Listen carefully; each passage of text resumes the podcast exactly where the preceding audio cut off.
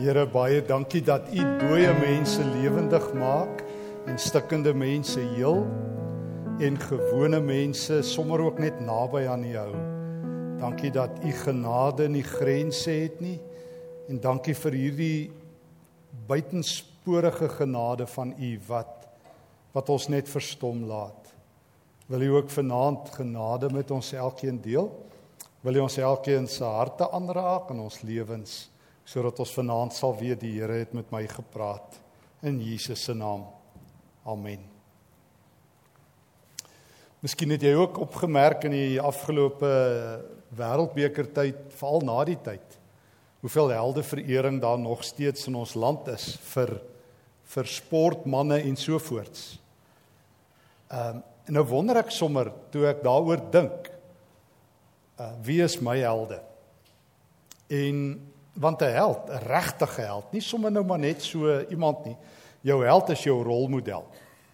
As dit 'n skrywer is, dan lees jy al sy of haar boeke. As dit 'n sportman of vrou is, dan dan ken jy al hulle wedstryde, jy weet hoeveel punte hulle aanteken, jy weet hoe hulle speel.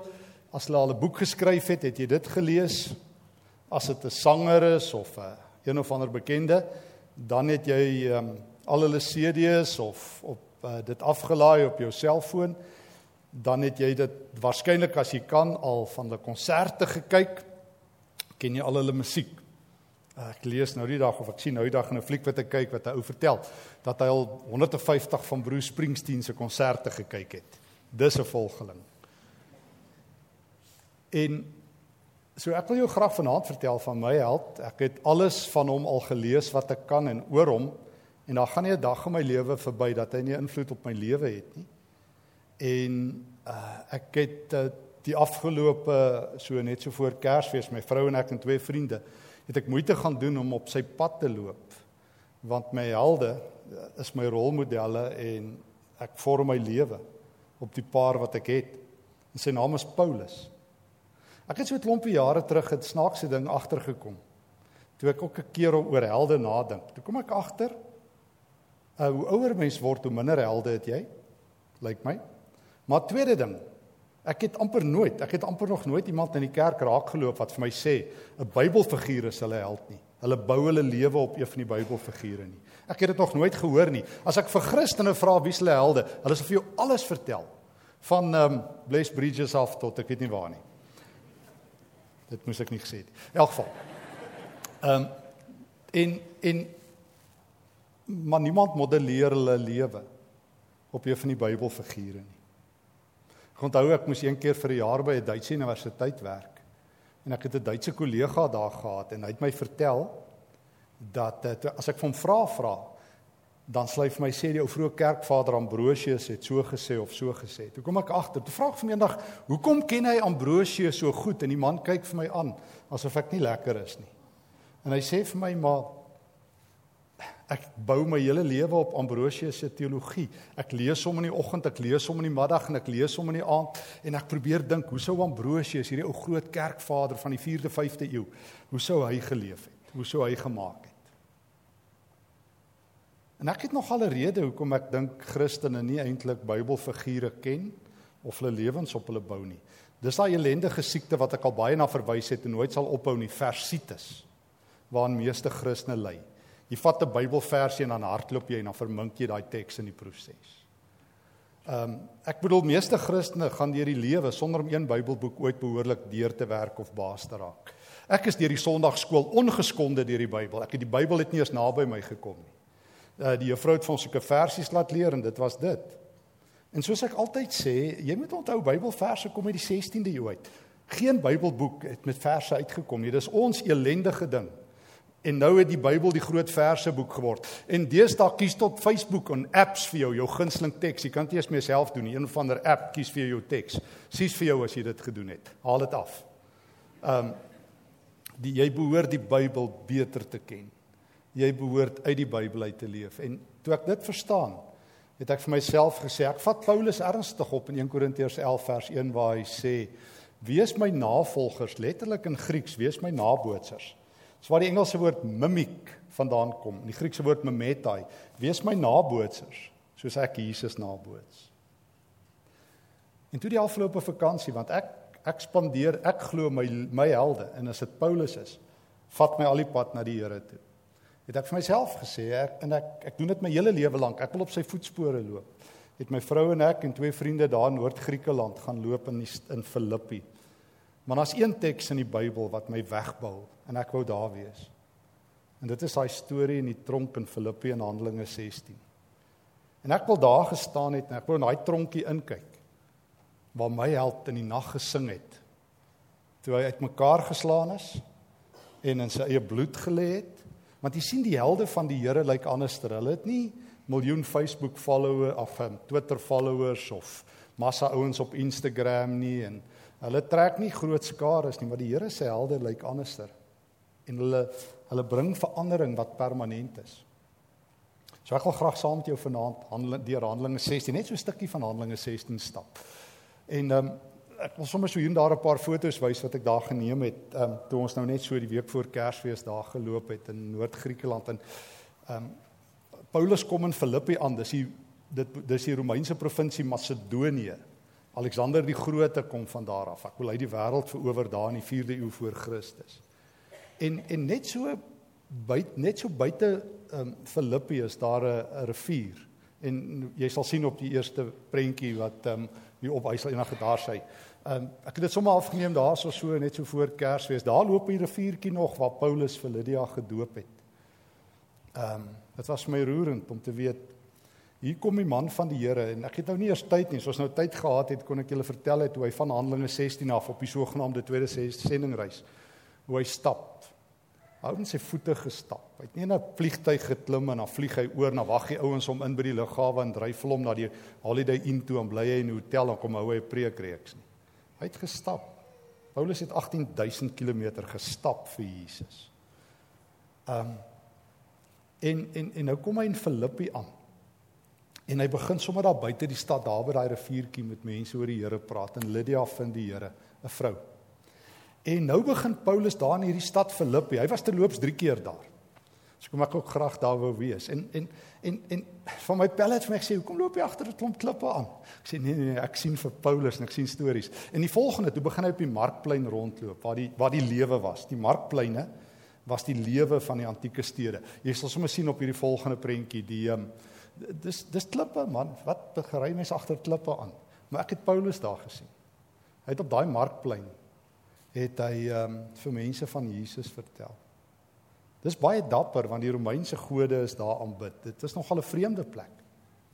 En daar het hy ook groot moeilikheid opgetel. Want daar het 'n vrou een of haar demoon opgetel en sy het agter Paulus loop aan skree. Toe draai hy om op en hy beveel daai duiwel om pad te gee. En toe gryp die stad die die eienaars vir Paulus en hulle sleep hom daar op daai markplein voor die stadsraad. Die volgende prentjies lê ook sien, dis maar twee fotos van die van die stadsplein. En toe slaan hulle Paulus en daar wil ek begin aansluit en dan uh, ek wil saam met jou lees en ek lees dit sommer vanaand um, uit die boodskap in Handelinge 16. Ehm um, vers 22. Die skare was teen daardie tyd baie omgekrap oor wat Paulus en Silas, dis sy helper, dis sy kortnaam, hy's eintlik Silwanus wat hy verkondig het. Die hooflandroste daar op daai stadsplein sê toe vir die polisie dat Paulus en Silas se klere van hulle lyf afgeskeur moet word en dat elkeen 'n groot drag slaag moet kry. Um nadat Paulus en Silas pimpel en pers geslaan is, is hulle in die tronk gegooi. Nou Paulus vertel net so terloops in 2 Korintiërs 11 dat hy 5 keer deur die Jode 39 houe op 'n keer geslaan is. Weet jy hoe baie is 39 houe? Nee, ek dink nie jy weet nie, want nog een van ons vermoed ek hier is 39 houe een slag geslaan. In die in die slegte ou dae toe ons nog op skool lyfstraf gekry het, was 6 van die bestes waar die skoolhoof gedraai het. Nou, hier van die ouer ouens sal nog onthou. Ek onthou ons het nog ons eie Oscars gehad by die skool. Die ouens en dat jy so elke keer as jy 6 gekry het, jy agter jou skoolbaadjie gemerk. En aan die einde van die jaar het ons gekyk wie die, wie wen die Oscar vir die meeste sesse. Maar dis 'n ander storie. Ehm um, maar hoe dit ook al sê, Paulus is 5 keer 39 houe geslaan deur die Jode. Hier in Filippi slaan die Romeine hom. En die Romeine kan nie somme doen nie. Hulle slaan tot hulle moeg is. So hulle slaan vir Paulus daar op daai stadsplein, daar wat jy sien, uitmekaar. Hulle slaat vir hom, dit is soos dink net sou jy met 'n cricketgolf slaan. 'n baseballbat. Hulle slaat vir Paulus na ander bloedgroepe.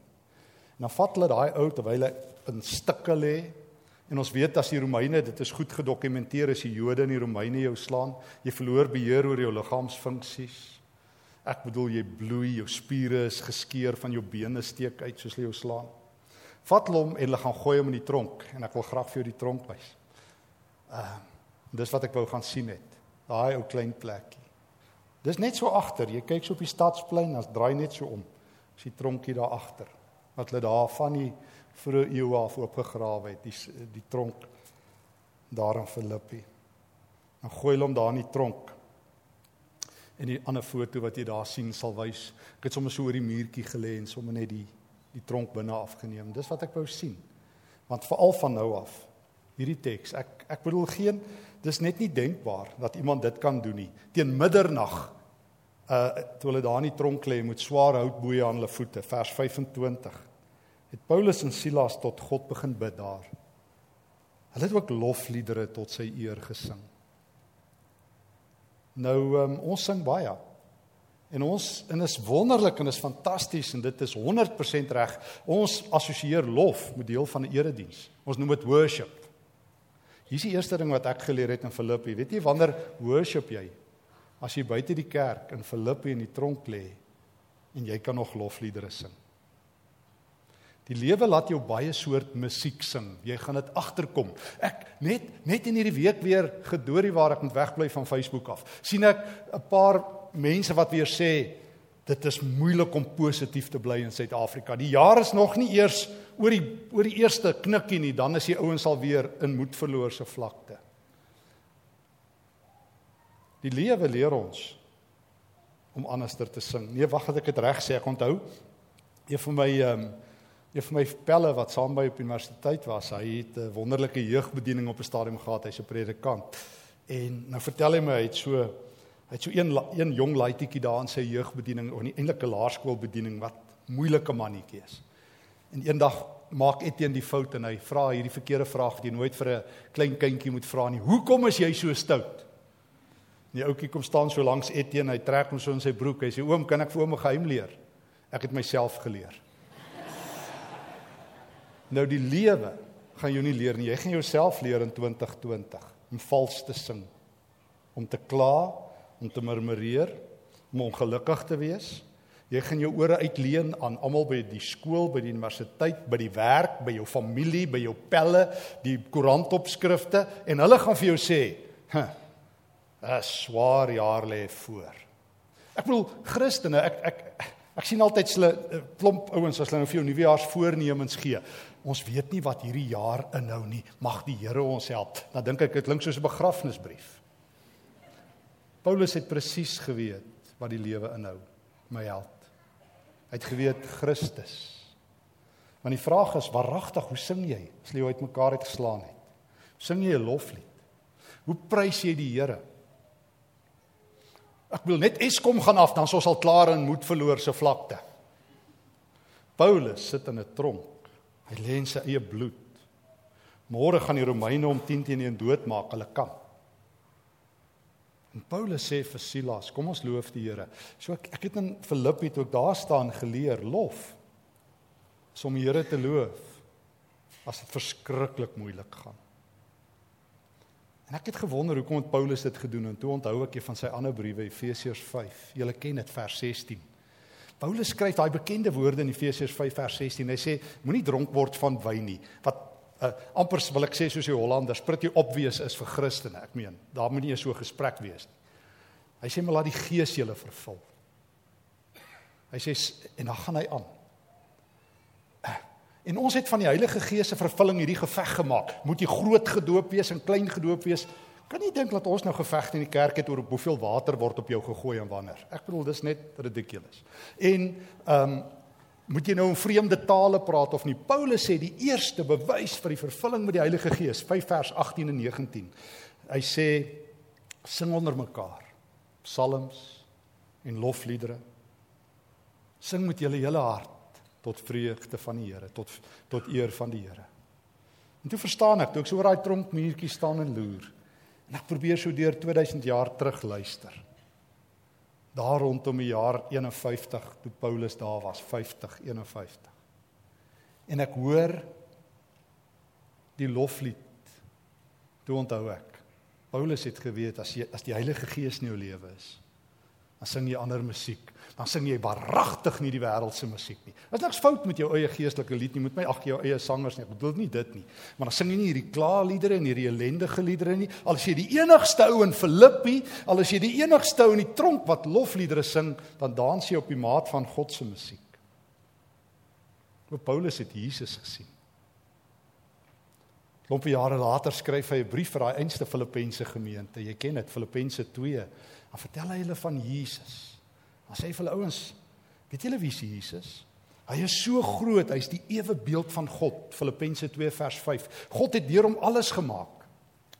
En toe het hierdie Jesus mens geword, hy het homself ontledig, leeg geword, in 'n slaaf geword. En toe sy gekruisig. Dan sê hy daar Filippense 2 vers 9 tot 11, en toe het God hom verhoog en vir hom 'n nuwe naam gegee wat bo elke naam is. En julle ken die res, sodat in die naam van Jesus sal buig elke knie wat op die aarde en onder die aarde is en elke tong sal bely Christus is die Here. Dis kom Paulus daardie aand in Filippi kon sing. Hy het Jesus gesien, julle sien. En die teks sê dit nie. Um, maar ek vermoed het iets gebeur want ek lees in vers 26 toe uit die bloute het daar 'n groot aardbewing gekom. Nou ek vermoed en ek sal ek is seker ek kan waag om dit te sê. Ek dink daai aand het die Here vir die die miljoene der miljoene der miljoene engele gesê. Was daar 'n oomblik stilte in die hemel? Toe sê God, luister daar in Macedonië, daar in Noord-Griekeland, is die suiwerste lof Nog nooit het iemand so suiwer vir die Here gesing soos in Macedonië in Filippi nie. Sonder 'n rede in die diepste moeilikheid, die lewe is verby en Paulus loof hom. En ek dink vir 'n oomblik, ek dink maar, het die engele begin noodvat en as die engele begin noodvat saam met Paulus, het die aarde begin skud. Wie weet, miskien het God net vir 'n oomblik sy hand op sy knegg gesit. En vir hom sê mooi so goeie en getroue knegg. O ek wil soos Paulus sing, hy's my held. Ek kan al die ander liedjies sing en dan vergeet ek hulle. Vandag hits is môre vergete. O maar die treffers wat God tref. So wanneer jy kan loof as jy by die kerk uitstap. Dit's wonderlik dat ons vanaand lofliedere gesing het. Verstaan my glad nie verkeerd nie en vanoggend. Maar ware lof ontplof as jy nie lewe môre en oormôre kan loof leer nog 'n ding by Paulus. Ek het nog iets verstaan toe ek daar toe ek daar staan. Ehm um, die hoof van die tronk het ook wakker geword lees ek in vers 27 van die hartskudding. Nou net gou 'n stukkie agtergrond. Hy was die slagter van Filippi. Ek bedoel nie die ou wat vleis verkoop het nie. Hy was die ou wat mense uitmekaar geslaan het, die butcher. Die wreedste ou in die dorp het die werk gekry om die tronkbewaarder te wees. Tronkbewaarders het geweet as een gevangene ontsnap, kom maak dan sterf die tronkbewaarder. Dit was die reël in die Romeinse ryk. Jou jou gevangenes ontsnap, ons maak jou dood. Vandag gee hulle vir die ouens hier in Suid-Afrika medaljes vir dapperheid sê ouens ontsnap of iets, ek weet nie. Maar Paulus uh is is deur hierdie einste tronkbewaarder wat hom geslaan het, wil laat slaan het, laat hy in sy eie bloed lê en wurg. Daai man wat eintlik die slagter is, die ou wat Paulus eintlik wil doodmaak en die kans het om dalk die volgende in dood te maak. Hy wil selfmoord pleeg want hy weet hy gaan in elk geval sterf en Paulus sê moet dit nie doen nie. Ek is seker as ek Silwanus was gesê ag nee wag kom ons stap net verby stertepel. Ek meen dis die ou wat dit nou net aan jou gedoen het. Paulus sê moenie nou nou vat Paulus hom buitentoe net hier buite hierdie klein tronkie daar waar ons gestaan het en hy sê meneer sê vir my wat moet ek doen om 'n regte verhouding met God te wees. Nou Ek in my hele lewe kan ek nie verstaan hoekom hardloop jy nie as die tronk se deure oop is nie. Wat sou jy gedoen het? Ek sou as ek Silas was gesê het meer Paulus, hierdie is 'n teken van die Here. Laat ons hol met ons stikkende lywe. Ek sal jou arms vat, dan vat jy my bene en dan hardloop ons of skernier soos 'n muur hier uit. Maar ons probeer wegkom. Hierdie is 'n teken. Maar jy sien ek leer 'n tweede ding. Ek ek by Paulus geleer daar lof. So wanneer ek buite die kerk ook kan aanhou sing vir die Here. En ek het agtergekom ek is altyd aan diens vir die Here. Ek is nooit af diens nie. Nooit. Ek werk nie ure vir die Here nie. Ek werk nie skofte nie. Ek het nie vakansietyd nie. Ek het nie aftyd nie. Ek is altyd in die Here se diens. En as die Here op jou knoppie druk, dan sê Paulus, ek so bly jy het gevra. Ek so bly jy het gevra, glo in die Here Jesus. Glo in die Here Jesus en jy sal gered word. Net daar in Filippi. Dis dieselfde wat Jesus doen aan die kruis. Paulus het by sy Here geleer. Onthou jy ek het gesê ek wil graag Paulus naboots soos hy Jesus naboots. Paulus is die ag Jesus het um, vir Barabbas gered. Die ou by plek gery het. En die eerste ou wat tot geloof gekom het, onthou jy na die kruisiging van Jesus daar in Markus 15, is die is die Romeinse offisier by die kruis. Hy moes weer die kruis tot 'n bloedbad maak. En dis die eerste ou wat sê dis die seun van God. Paulus het geleer by Jesus, hy het geleer by Stefanus. Hy het onthou wat Jesus gesê het miskien in Lukas 6. Seën julle vervolgers. Bid vir hulle. Moenie kwaad met kwaad vergeld nie, skryf Paulus in Romeine 12 vir die Romeine. Moenie kwaad met kwaad vergeld nie. As jou vyand honger is, gee hom iets om te eet. As hy dors is, gee hom iets om te drink. Skaar julle by die nederiges. As dit van jou afhang, leef in vrede met alle mense. Dis Paulus in volkleer. Daar by daai tronk, daai mirasies. Ek leer 'n derde ding van hom. Die hoof van die tronk het toe vir Paulus vers 33 en Silas na sy huis toe gevat. Almal in die huis moes hoor wat hulle oor die Here te sê gehad het. Ehm um, later het die tronkbewaarder agtergekom dat Paulus en Silas se wonde nog nie skoon gemaak is nie. Toe het hulle dit eers gedoen. Ek het 'n derde ding by Paulus geleer. Ek wil jy moet weet hoe lyk daai ou. Hy's voddig geslaan. Maar hy sê nie vir die tronkbewaarder, "Jy's die eerste dinge eerste." Kyk net eers 'n bietjie na my rug. Kry eers bietjie die noodgevalle. Kan ek net eers gou hierso by Filippiese noodgevalle ingaan by die hospitaal nie? Niks nie. Paulus stel homself ondergeskik. Dis wat hy in 2 Korintiërs 4 vers 5 vir die Korintiërs sê. Ek verkondig Christus en ek self is julle slaaf in Jesus se naam. Meeste mense, Christene in kluis, sê daar's net een persoon wat eerste kom en dit is ek. My lewe gaan oor myself vir meeste mense. Dis die storie van hierdie wêreld. Dis die storie van almal. Paulus sê Hoe kan ek jou dien? Hy vergeet homself. Hoe anderster is die Here se helde nie? O, die ouens op wie ons ons lewens modelleer partykeer. As jy eintlik mooi gaan kyk, is maar almal ouens met klei voete. Meeste van die helde is vandag daar en môre is hulle yesterday's news. Of hulle lewens is ook nie altyd op 'n kwaliteit wat jy eintlik kan dink jy wil navolg nie. Maar hier is die rots van die Here, die man van God, daar in Filippi. En hy sing 'n loflied wat die hemel se aandag vang. En hy leef 'n lewe wat die tronkbewaarder na die Here Jesus toe bring. En hy vergeet homself en hy dien iemand toe ek weer lig vir hoe ek in 2020 wil lewe. Ja, ek het ook 'n klompie ander helde. Party van hulle maak mooi musiek, ander skryf goeie boeke, ander ons help my dink. Maar by Paulus leer ek hoe om die man te volg wie se naam Jesus die Here is. Hy wie se woorde nie deur die magte van die hel stil gemaak kan word nie. Hy wat die Here is aan die regterrand van God Hy wat vir my sy woord gegee het en sy gees. En nou wil ek vir jou vra, wie is jou helde? Op wie gaan jy jou lewe bou in 2020? Wie gaan jou help om lofliedere te sing in hierdie week as Pretoria hard en moeilik is? As iemand vir jou vra wat moet ek doen om gered te word? Gaan jy dalk sê ek is afdiens, kom ek bel 'n dominee of ek doen iets? En waar gaan jy jouself tweede stel? O die Here gaan dit sien. En ek wil graag hê die Here moet in 2020 moet ehm um, moet die engele hande klap en juig as ek en jy aan diens is. En moet die Here sê ek hoor suiwer lof in Pretoria want dit is so dat Suid-Afrika nie die maklikste plek is om te leef nie. Maar weet jy wat? God het nie geëmigreer nie, hy's hier. Weet jy wat? God was in Filippi in daai tronk.